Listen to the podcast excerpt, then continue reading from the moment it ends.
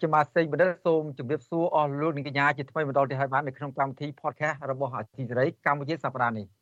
ខ្ញុំបាទសំប៉ូលីសូមជម្រាបសួរបណ្ឌិតស្ដាប់ហើយនឹងជម្រាបសួរបងអូនសេងបណ្ឌិតបាទខ្ញុំជម្រាបសួរបងមិនជម្រាបសួរលោកនាងប៉ុន្តែមិនបានជម្រាបសួរបងហ្នឹងអ្នកខ្លះអត់មានវប្បធម៌សិលធម៌ក្នុងខ្លួនអញ្ចឹងតែជួនកាលបញ្ញាប់គឺអ្នកស្ដាប់ភ្លេចនៅក្បែរខ្លួនគួរសមចំពោះអ្នកដទៃភ្លេចគ្នាយើងភ្លេចគ្នាឯងបាទប្រហែលជាដូចនាយករដ្ឋមន្ត្រីចាស់ដែរគាត់ថា ទៅបរទេសគាត់អែបអបគេគាត់យកចិត្តគេទៅអោនលំទូនេះទៅពីពោះគ្នាឯងប្រជាពលរដ្ឋគ្នាឯងជេរមរាយហើយរហូតជេរតែមើលសញ្ញាព្រោះចាប់ដាក់គុកគេហេងនេះហើយសប្តាហ៍នេះដែរដូចជាផ្លែកម្ដងសប្តាហ៍មុនមុនខ្ញុំជួបដៃគូជាមួយលោកយ៉ងចន្ទរាហើយលោកអ្នកស្ដាប់នីតិ podcast អាស៊ីសេរីនឹងកម្ពុជាសប្តាហ៍នេះចេះតែទិញរងចាំថា អេចុះលោកសងប៉ូលីនិងជនចិត្តបុតការត្រឡប់មកវិញដូចជាមិត្តដែរបានឃើញពីរនាក់នឹងហើយមិនគ្រប់ទេចង់បានឃើញពីរនាក់ទៀតពីរនាក់ទៀតបាទពីរនាក់ទៀតសងប៉ូលីនិងជនចិត្តបុតទៀតអញ្ចឹងមានគេនឹកខ្ញុំដែរអូនឹកខ្លាំងណាស់នឹកដើម្បីឲ្យមកធ្វើ podcast ហ្នឹងបាទដើម្បីឲ្យបងអូនសេចបណ្ឌិតរួចខ្លួនបាទអឺរួចខ្លួនគាត់ថាចង់ជួបចរចាផ្ទាល់សម្ដីផងតែថាឥឡូវមិនអីទេជួបយ៉ងចន្ទរានិងសេចបណ្ឌិតដោះសំសិនចុះឥឡូវថ្ងៃនេះខ្ញុំក៏មានកិត្តិយសដែរបានជួប បងប្លីផ្ទាល់ហើយនៅនឹងមានភៀវម្នាក់ទៀតម្នាក់ទៀតចូលបងប្លីគិតថាពីណាគេមើលមើលឃើញនៅមុខ TV នេះអត់បាច់ទីទេអូនកឹមសុកមកពីហ្វាំងឡង់មកពីហ្វាំងឡង់បាទជំរាបសួរបងអូនកឹមសុកបាទជំរាបសួរកឹមសុកបាទបាទជំរាបសួរលោកពូលីនិងជំរាបសួរលោកសេចបណ្ឌិតបាទ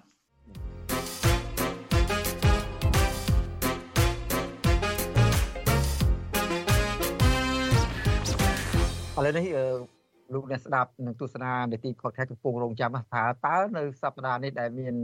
បងពលិចូលរួមនិងគឹមសុកចូលរួមនឹងជជែកអំពីបញ្ហាអីអឺចំពោះខ្ញុំបងអូនសេចបណ្ឌិតខ្ញុំថាពីថ្ងៃច័ន្ទកន្លងមកនេះបាទអឺលោកនាយករដ្ឋមន្ត្រីហ៊ុនម៉ាណែតនឹងគាត់បាននិយាយនៅក្នុងទីក្រុងភ្នំពេញនឹងថាឲ្យមន្ត្រីថ្នាក់ក្រោមមានការទទួលខុសត្រូវខ្ពស់ ជួយដោះស្រាយបញ្ហាប្រជាពលរដ្ឋឲ្យបានច្រើនដើម្បីកុំឲ្យប្រជាពលរដ្ឋនឹងនាំគ្នាឡើងមកតវ៉ានៅក្នុងទីក្រុងភ្នំពេញជាពិសេសនៅមុខផ្ទះរបស់ឃុំគ្រឹះឃុំគ្រឹះបាទរៀននិយាយឲ្យត្រឹមត្រូវផ្ទះផ្ទះទូចពេកទូចពេកភូមិគ្រឹះធំគ្រឹះបាទអញ្ចឹងភូមិគ្រឹះរបស់គាត់នឹងនៅក្នុងទីក្រុងភ្នំពេញចំពោះខ្ញុំខ្ញុំចាប់អារម្មណ៍ចេះការ បង្គាប់បញ្ជាឲ្យមន្ត្រីមូលដ្ឋាននឹងដោះស្រាយបញ្ហាជូនប្រជាពលរដ្ឋដើម្បីកុំឲ្យប្រជាពលរដ្ឋនឹងឡើងមកតវ៉ានៅក្នុងភូមិគ្រឹះនៅមុខភូមិគ្រឹះរបស់សម្ដេចនាយកឪនឹងហើយសម្ដេចនាយកកូននឹងផងខ្ញុំថាមូលហេតុអីមកដល់ពេលនេះបានត្រូវមានការបង្គាប់បញ្ជាបែបហ្នឹងបាទតែជាគាត់ទំនឹកឃើញអញ្ចេះបងពលី ព្រោះមកតវ៉ាមិនមែនមកតវ៉ាមានត្រឹមដាទៀមទាដោះស្រាយបញ្ហាមានចំនួននៅតាមមូលដ្ឋានបញ្ហាដីធ្លីប៉ុណ្ណឹងទេគឺថាកាន់រូបថតគាត់ថតការរូបថតពីមុនយើងឃើញតែការរូបថតម្ដាយគាត់និងឪពុកគាត់ទេបាទបាទគឺលោកនាយករដ្ឋមន្ត្រីហ៊ុនម៉ាណែតតែឥឡូវនេះមានការរូបថតគាត់ថែមមួយទៀតដើម្បីទៀមទារត់ដំណោះស្រាយដោយថាគាត់នឹងខោខាងអឺតាប្រជាជនឬមួយក៏ឈោខាងគ្រប់គ្រងសម្ដេចនាយក ដឹកនាំគណៈប្រជាជនហើយហេតុអីបានជានៅធ្វើបាបទៅទឹកមុខវិញរបស់គាត់ហើយមិនដោះស្រាយជូនពួកគាត់ទៀតគាត់ទៀតហ្នឹងបាទចឹងយើងចង់ងាកទៅសួរបងអូនគឹមសុខវិញដោយសារគាត់ជាអ្នកជំនាញផ្នែកនយោបាយហ្នឹងតើលោកនាយករដ្ឋមន្ត្រីហ៊ុនម៉ាណែតគប់បញ្ជាក្រមមន្ត្រីមូលដ្ឋានឲ្យធ្វើបែបហ្នឹងតើមានបំណងយ៉ាងម៉េចឬក៏វិធីយ៉ាងណាដែរអឺទើបពេលនេះជ្រើសរើសរកវិធីហ្នឹងបាទមើលទៅបំណងក៏មាន ប៉ុន្តែភាពច្របូកច្របល់ក៏មានច្របូកច្របល់នៅត្រង់ថាប្រជាពលរដ្ឋកាន់តែច្រើនទៅនាំគ្នាទៅតវ៉ានៅខាងមុខផ្ទះឪពុករបស់គាត់ដាក់រូបឪពុកគាត់ដាក់រូបម្ដាយគាត់ដាក់រូបគាត់ដោយប្រជាពលរដ្ឋយល់ឃើញថាទំនងជាគាត់ទៅតែឡើងថ្មីហ្នឹងយកចិត្តទុកដាក់ប្រជាពលរដ្ឋខ្លះខុសពីឪពុកគាត់អញ្ចឹងហើយបានជាចលនាហ្នឹងធំឡើងធំឡើង ដល់ទៅពេលឃើញចលនាទៀមទាយុទ្ធធរឲ្យដោះស្រាយបញ្ហាដីធ្លីនឹងធំឡើងទៅគាត់ដូចជាព្រឺព្រួចព្រឺអារម្មណ៍ព្រឺខ្នងចុះបើច្រើនឡើងជារៀងរាល់ថ្ងៃគាត់ទុកមិនកើតអ្នកគាត់អារម្មណ៍ស្មុកស្មាញត្រង់ហ្នឹងខ្លាចដួលអំណាចរឿងមួយទៀតបើនិយាយអំពីទឹកចិត្តហ៊ុនម៉ាណែតវិញនៅពេលដែលគាត់ប្រកាសហ្នឹងដូចជាគាត់គ្មាន ស្មារតីជាអ្នកដឹកនាំជាតិសូម្បីតែបន្តិចអត់អាណិតប្រជាពលរដ្ឋពីព្រោះប្រជាពលរដ្ឋទៅទៀមទារកយុត្តិធម៌ដោះស្រាយបញ្ហាដីធ្លីហើយដីធ្លីហ្នឹងទាំងដីធ្លីផ្ទាល់ខ្លួនគាត់ទាំងដីធ្លីសហគមន៍ទាំងដីធ្លីរបស់រដ្ឋប្រជាពលរដ្ឋការពារគ្រប់ទាំងអស់ពេលដែលប្រជាពលរដ្ឋទៅទៀមទាទុកសោកប្រជាពលរដ្ឋនឹងធំហ่า ពីព្រោះមិនដែលប្រជាពលរដ្ឋឯណាទៅរំលោភអ្នកធំឯមានអ្នកធំទៅរំលោភលើប្រជាពលរដ្ឋហើយទុកសោកធំប៉ុណ្ណឹងហ៊ុនម៉ាណែតបែរទៅជាមិនយកចិត្តទុកដាក់ដោះស្រាយបែរជានិយាយថា ទៅរំខានឪពុកម្ដាយគាត់ទៅវិញបានន័យថាចំណុចទឹកចិត្តរបស់គាត់បេះដូងគាត់នឹងមានតែឪពុកម្ដាយរបស់គាត់អត់មានប្រជាពលរដ្ឋក្នុងនាមជាអ្នកដឹកនាំទេកូនមានទឹកចិត្តចំពោះឪពុកម្ដាយ ក៏មានហើយប៉ុន្តែតួនាទីរបស់ខ្លួន គឺដោះស្រាយបញ្ហាជូនប្រជាពលរដ្ឋមិនដេចមិនព្រមដោះស្រាយចំណុចកន្លែងហ្នឹងគួរឲ្យចាប់អារម្មណ៍ណាស់បងប្អូនខឹមសុកតាមពិតទៅនៅពេលដែលខ្ញុំបានឮសម្ដីរបស់លោកនាយករដ្ឋមន្ត្រីវ័យក្មេងហ៊ុនម៉ាណែតមុនដំបូងហ្នឹងខ្ញុំចាប់អារម្មណ៍ថាគាត់ហាក់បីដូចជាអត់មានគិតគូរពីប្រយោជន៍របស់ប្រជាពលរដ្ឋទេគាត់គិតគូរតែពីប្រយោជន៍របស់គាត់ជាពិសេសដូចចំណុចដែលបងអូនគឹមសុខបាននិយាយមិញហ្នឹងគឺថា កុំឲ្យទៅតវ៉ានៅមុខផ្ទះរបស់ឪពុកសុំទឹកភូមិគ្រឹះភូមិគ្រឹះភូមិគ្រឹះរបស់ឪពុកគាត់ហើយនឹងគាត់ហ្នឹងគឺថាហាក់បីដូចជាកុំឲ្យទៅរំខានទៅវិញអត់មានគិតគូរថារឿងដោះស្រាយជូនប្រជាពលរដ្ឋនឹងដោយរបៀបណាដោយរបៀបណាទេហើយកន្លងមកទៀតនឹងប្រមាណថាកាលពីឆ្នាំមុននឹងអត់មានអ្នកណាបង្គាប់បញ្ជាឲ្យមន្ត្រីថ្នាក់ក្រោមនឹងដោះស្រាយបញ្ហាហ្នឹងនៅមូលដ្ឋានទេ ហើយពួកនឹងពួកមន្ត្រីនៅមូលដ្ឋានហ្នឹងនៅពេលដែលអត់មានប័ណ្ណបញ្ជាពីនាយករដ្ឋមន្ត្រីទៅផងហ្នឹងបានធ្វើរួចមកហើយមិនចឹងគឺថាហាមឃាត់មិនឲ្យប្រជាពលរដ្ឋនឹងនាំគ្នាឡើងមកធ្វើកិច្ចកម្មនៅភ្នំពេញបានចាប់បានចាប់សកម្មជនបងពូលីគ្រប់វិតាធម្មជាតិហ្នឹងអានេះមិនមែនជារឿងដែលត្រូវដាក់បទបញ្ជាអីទេវាជាតួនាទីភារកិច្ចរបស់មន្ត្រីថ្នាក់ក្រោមទៅហើយ អត់មានចាំបាច់ដាក់បទបញ្ជាពីខាងលើទេហើយរបៀបដាក់បទបញ្ជានេះគ្រាន់តែជាវិធីនីតិមាត់ដោយដែលលោកហ៊ុនសែនធ្លាប់ប្រើតែប៉ុណ្ណោះលោកហ៊ុនសែនមិនមែនត្រឹមតែប្រាប់ឲ្យថ្នាក់ក្រោមធ្វើការងារទេរហូតទៅដល់គាត់ជេរថ្នាក់ក្រោមទៀតហើយបើបកគលដីឲ្យប្រជាពលរដ្ឋវាងាប់អីគាត់និយាយអញ្ចឹងគេចាំគ្រប់គ្នាតាប៉ុន្តែនៅតែមិនប្រគល់ដីឲ្យប្រជាពលរដ្ឋនៅតែរំលោភដីរដ្ឋ ទាំងអត់មានការខ្មាស់អៀនដូច្នេះវាជាប្រព័ន្ធហើយហ៊ុនម៉ាណែតនិយាយនឹងខ្ញុំស្ដាប់មើលទៅអត់ដឹងខុសត្រូវទៅទៀតគាត់ថាកលែងខ្លះដោះស្រាយហើយប៉ុន្តែមិនជូនដំណឹងដល់ប្រជាពលរដ្ឋរួចដោះស្រាយជាមួយនរណា បើប្រជាពលរដ្ឋដែលមានវិវាទរឿងអយុត្តិធម៌គេរំលោភដីគាត់គាត់អត់ដឹងផងនឹងទៅដោះស្រាយជាមួយនរណាដូច្នេះវាបញ្ជាក់ឲ្យឃើញថា អ្វីដែលហ៊ុនម៉ាណែតនិយាយអំពីការដោះស្រាយហ្នឹងគឺគំសម្លុតគំរាមកំហែងប្រជាពលរដ្ឋមិនឲ្យតវ៉ានឹងហ្មងគឺថាគាត់កាត់ដីឲ្យនរណាក៏យល់ព្រមតាមគាត់ទៅ ក្រុមរបស់គាត់ លើកដីឲ្យនរណាក៏ចេះតែយល់ស្របតាមគាត់ទៅអាហ្នឹងវិធីដោះស្រាយរបស់គាត់ដូច្នេះវាជាប្រព័ន្ធនីតិមាត់បន្តពីឪពុករបស់គាត់សុទ្ធសាធហើយដោះស្រាយអត់ចេញទេពីព្រោះ ហ៊ុនម៉ាណែតធ្លាប់និយាយហើយថាឪពុករបស់គាត់គឺជានិមិត្តរូបរបស់គាត់ហើយឪពុករបស់គាត់ដឹកនាំតាមបែបនីតិមាត់មិនដោះស្រាយបញ្ហាដូច្នេះគំរូរបស់ឪពុករបស់គាត់នៅតែបន្តដដែលហ្នឹងបញ្ហានឹងរីកធំឡើងចឹងបញ្ហាជួយគិតគ្នាបងប្អូនសិទ្ធិមនិតបាទការធ្វើនេះគឺអឺតាមតែអំពើចិត្តតាមតែការនឹកឃើញព្រោះបើសិនជាយើងក្នុងការដឹកនាំរដ្ឋាភិបាល រដ្ឋាភិបាលបើមានប្រព័ន្ធដឹកនាំត្រឹមត្រូវស្រួលបួលនាយករដ្ឋមន្ត្រីត្រូវបង្គាប់បញ្ជាមន្ត្រីនៅមូលដ្ឋានឲ្យធ្វើការងាររបស់ខ្លួនទេគេប្រកាសជាដឹងការងាររបស់គេថាគេត្រូវធ្វើរបៀបមិនរួចមកហើយអញ្ចឹងបាទអឺអញ្ចឹងការប្រកបបញ្ជានឹងបើតាមបងអូនគឹមសុកមានប្រសាសន៍តាមការខ្ញុំគិតនេះគឺថារញ៉េអញ្ញៃមែនតើដឹងអ្នកណាធ្វើអីដឹងអ្នកណាទទួលខុសត្រូវមន្ត្រីមូលដ្ឋាននឹងមិនដឹងទៅធ្វើម៉េចមិនដឹងធ្វើម៉េចត្រូវមិនដឹងធ្វើម៉េចខុស ព្រោះអ្វីដែលគេធ្វើនឹងហាក់បីដូចជាគប់ចិត្តនាយករដ្ឋមន្ត្រីមិនធ្វើតាមជំនាញតាមវិធីជីវៈដែលខ្លួនមាននោះទេឲ្យតាមនីតិវិធីតើវិធីដោះស្រាយបញ្ហាប្រគល់ដីធ្លីឲ្យប្រជាពលរដ្ឋកន្លងមកនោះបងអូនសេចក្ដីគេបានធ្វើអីខ្លះហើយហើយនៅកន្លែងណាខ្លះអឺការដោះស្រាយជូនដល់ប្រជាពលរដ្ឋរហូតដល់ថានិយាយពីរឿងគោលការណ៍វិញហ្នឹងជាគោលការណ៍គេបង្កើតលហក្រមយុវជនទោះវាស់វែងដីឲ្យប្រជាពលរដ្ឋបង្កើតគណៈកម្មការដោះស្រាយវិវាទដីធ្លីក៏ប៉ុន្តែបើយើងគិតទៅមើលលទ្ធផលវិញដូចជាមិនបានជាសាច់កាយប្រហែលទេ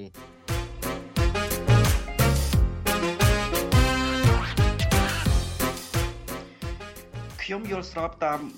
បងពូលីប្រើពាក្យថាថ្នាក់ក្រោមវងវែងវងវាន់គាត់មិនដឹងដោះស្រាយរបៀបណាគាត់មិនមែនមិនយល់ទេគាត់មិនមែនមិនដឹងទួនាទីកតបកិច្ចរបស់គាត់ទេហើយរឿងដីធ្លីនេះ តាំងពីមេភូមិមេឃុំចៅសង្កាត់មេខណ្ឌមេស្រុកមេក្រុង មេខេត្តមេរាជធានីរហូតដល់ដល់ថ្នាក់ក្រសួងសុទ្ធតែមានលំដាប់លំដោយរបស់វាទាំងអស់ដីប្រភេទណាប្រជាពលរដ្ឋកាន់កាប់ទទួលស្គាល់កម្រិតណាសុទ្ធតែដឹងមិនមែនថ្នាក់ក្រោមមិនដឹងទេប៉ុន្តែដោះស្រាយមិនចេញដោយសារតែ អ្វីដែលគេរៀបនោះមិនមែនជាប្រព័ន្ធដោះស្រាយទេ ជាប្រព័ន្ធស្មុគស្មាញបំផុតក្រោមការដឹកនាំតាំងពីហ៊ុនសែនដល់ហ៊ុនម៉ាណែតស្មុគស្មាញមួយរឿងនឹងជារឿងចាស់យូរហើយវិបត្តិនឹងកើតរាប់ឆ្នាំហើយ តាំងពីហ៊ុនសែនមកយើងគិតមើលទំហំបញ្ហានឹងធំប៉ុណ្ណាមិនមែនតូចតាចទេណាទូទាំងព្រះរាជាណាចក្រកម្ពុជា ទី2បញ្ហាវាធំហើយ យូរមកហើយហើយអ្នកពាក់ព័ន្ធនឹងក៏មិនមែនធម្មតាដែរអ្នកពាក់ព័ន្ធមានកូនកូនលោកហ៊ុនសែនមានក្រុមគ្រួសារលោកហ៊ុនសែនមានបពពុក្រាក់ក្រាក់មេទីហ៊ានមេបលិសជុំវិញលោកហ៊ុនសែនដោះស្រាយមិនអញ្ចឹងទី3អាប្រព័ន្ធសពថ្ងៃហ្នឹងមិនមែនជាប្រព័ន្ធដោះស្រាយទេ វាគ្រាន់តែជាប្រព័ន្ធដែលចាប់ភ្ញុកចងញាត់ជំពាក់គ្នា ដើម្បី សម្រួលផ្លូវចិត្តគ្នាកុំឲ្យរលំអំណាចតែប៉ុណ្ណោះយើងមើលក្បាលធំដូច្នេះហើយมันអាចទៅដោះស្រាយបញ្ហាដែលកំពុងតែកើតមានឡើងបានទេឧទាហរណ៍អុកញ៉ាចង់ជាប្រព័ន្ធអុកញ៉ាប៉ុន្តែអុកញ៉ានៅក្នុងប្រព័ន្ធហ្នឹង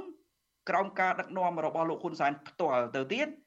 អុកញ៉ាហ្នឹងសុទ្ធតែពាក់ព័ន្ធនឹងការរំលោភដីធ្លីដូច្នេះប្រព័ន្ធហ្នឹងគ្រាន់តែជាប្រព័ន្ធទប់គ្នាដើម្បីទប់អំណាចកុំឲ្យដួលឆាប់តែប៉ុណ្ណោះ มันបានទៅដោះស្រាយបញ្ហារបស់ប្រជាពលរដ្ឋទេ មួយវិញទៀតប្រព័ន្ធហ្នឹងវាអយុត្តិធម៌ជ្រុលពេកពីព្រោះអ្នកដែលរំលោភដីធ្លីពីប្រជាពលរដ្ឋមានអុកញ៉ាមានអ្នកធំ មានខ្សែបណ្ដាញក្រាក់ក្រាក់ហ្នឹងពួកហ្នឹងគឺជាអ្នករកលុយចិញ្ចឹមអំណាចឥឡូវ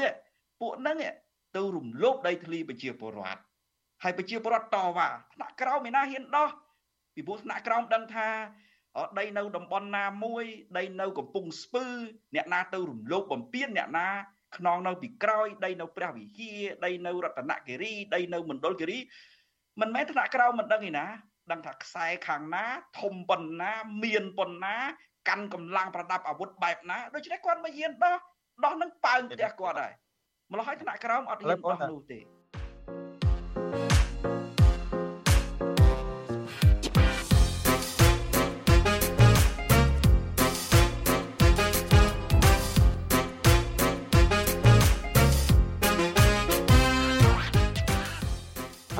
ចុះក្រោយតើកំទុកមានការអ្វីដើម្បីអឺជូនរដ្ឋាភិបាលឬមួយក៏តបជាប្រវត្តិអ្នកដែលមានបញ្ហាទៅលើការតវ៉ាជាមួយរដ្ឋាភិបាលថ្មីបាទលោកហ៊ុនម៉ាណែតគាត់រស់នៅក្រោមការបង្ហាត់បង្រៀនរបស់ពួកគាត់គាត់គួរតែយល់ពួកគុំមនីគេថាការជិះជាន់នៅទីណា ការងើបតវ៉ាមាននៅទីនោះហើយ ហើយនិយាយឲ្យច្បាស់ជាងនឹងទៅទៀតអ្នកដែលជិះជាន់មិនមែនអ្នកតូចទៅជិះជាន់អ្នកធំទេមិនមែនប្រជាពលរដ្ឋទៅជិះជាន់ហ៊ុនម៉ាណែតទៅជិះជាន់ហ៊ុនសែននោះទេគាត់ទៅមុខផ្ទះហ៊ុនម៉ាណែតមុខផ្ទះហ៊ុនសែនគឺទៅរកយុត្តិធម៌អ្នកដែលអាចជិះជាន់គឺអ្នកធំនាយករដ្ឋមន្ត្រី អ្នកមានអំណាចជិះជាន់ប្រជាពលរដ្ឋ ហើយកាលណាអ្នកមានអំណាចជិះជាន់ប្រជាពលរដ្ឋកាន់តែច្រើនមិនរកយុត្តិធម៌ជូនប្រជាពលរដ្ឋពេលនោះគុំបន្ទោសប្រជាពលរដ្ឋអត់មានប្រជាពលរដ្ឋឯណាទៅចង់តវ៉ាក្តៅក្រហាយចំពោះអ្វីដែលកំពុងតែកើតមានឡើងនោះទេអត់ចង់ទេប៉ុន្តែទ្រាំលែងបាន ពីព្រោះរស់លែងកើតយើងគិតទៅមើលស្ថានភាពសេដ្ឋកិច្ចក្នុងពេលបច្ចុប្បន្ន កម្មករកម្មការនីអត់ការងារធ្វើហើយកម្មការនីមានស្វាមីជាអ្នករត់ម៉ូតូដុតរត់ម៉ូតូដប់កង់3អីទៀតអត់ម៉ួយទៅទៀតជំពាក់បំណុលគេ មានលុយណាសងងាកទៅឪពុកម្ដាយនៅស្រែចម្ការ អ្នកខ្លះអត់មានស្រែចម្ការអីធ្វើទេ អ្នកខ្លះនៅមានប៉ុន្តែមានហើយលក់ស្រូវថោកមិនទាំងរួចដើមផលិត ឬក៏ធ្វើស្រូវផងដូច្នេះតើទៅដោះស្រាយបំណុលដោយវិធីណា គឺវាន់កណាវាន់កជន់លើជន់នៅពេលដែលប្រជាពលរដ្ឋកំពុងតែវាន់កអញ្ចឹងហើយមានប្រជាពលរដ្ឋជាច្រើនត្រូវគេប្លន់ដីធ្លីទៀតដូច្នេះអង្គើអយុធធម៌ដែលរងការជិះជាន់បែបហ្នឹងលោកហ៊ុនម៉ាណែតរៀនពីឪពុកដែលជាជនកុម្មុយនីល្មមយល់ហើយ ថាប្រជាពលរដ្ឋទ្រាំមិនបានគាត់តវ៉ាហើយមិនមែនគាត់ទៅផ្ដួលហ៊ុនម៉ាណែតទេ មិនមែនគាត់ទៅផ្ដួលរដ្ឋាភិបាលទេប៉ុន្តែគាត់ទៅតវ៉ារកយុត្តិធម៌ជាសិទ្ធិរបស់ពួកគាត់តាមរដ្ឋធម្មនុញ្ញបងប្អូនរត់ម៉ូតូដប់រត់កង់3កម្មករកម្មការនីកសិករកសិករដែលត្រូវគេប្លន់ដីធ្លីជាដើមគាត់រកយុត្តិធម៌គាត់ឲ្យដោះស្រាយបញ្ហារបស់ពួកគាត់ ប៉ុន្តែបើមិនដោះស្រាយសំបីតែមកចំណែកសំបីតែចំណុចមួយមិនព្រមផងសាំងក៏មិនព្រមដោះស្រាយបែរទៅជាសង្កត់ទាពន្ធថែមទៀតអានោះគាត់ទ្រាំមិនបានទេគាត់មិនអាចនៅទ្រាំបានទេពីព្រោះនៅទ្រាំក៏ស្លាប់ដដែលហ្នឹងកូនគាត់អត់មានលុយទៅសាលាហ្នឹងកូនគាត់អត់លុយទៅសាលាហើយអ្នកខ្លះក៏មានវិបត្តិរហូតទៅដល់ធ្លាក់ខ្លួនពាក់ព័ន្ធទៅនឹងគ្រឿងញៀនជាដើមទៀតគឺបញ្ហាស្មុគស្មាញមែនតែន ម្ល៉េះហើយដើម្បីដោះស្រាយបញ្ហាគឺពួកគាត់មានតែនាំគ្នាដឹកដៃគ្នាពីខេត្តមួយពីឃុំមួយពីភូមិមួយទូទាំងប្រទេសតវ៉ាតវ៉ារកដំណោះស្រាយហើយកាលណាដោះស្រាយមិនបានសូម្បីតែមួយគឺថាការតវ៉ានឹងកាន់តែច្រើនទៅអាហ្នឹងគឺជាពេលវេលាដួលរលំអំណាចពីព្រោះកាលណាដោះស្រាយមិនបានប្រជាពលរដ្ឋ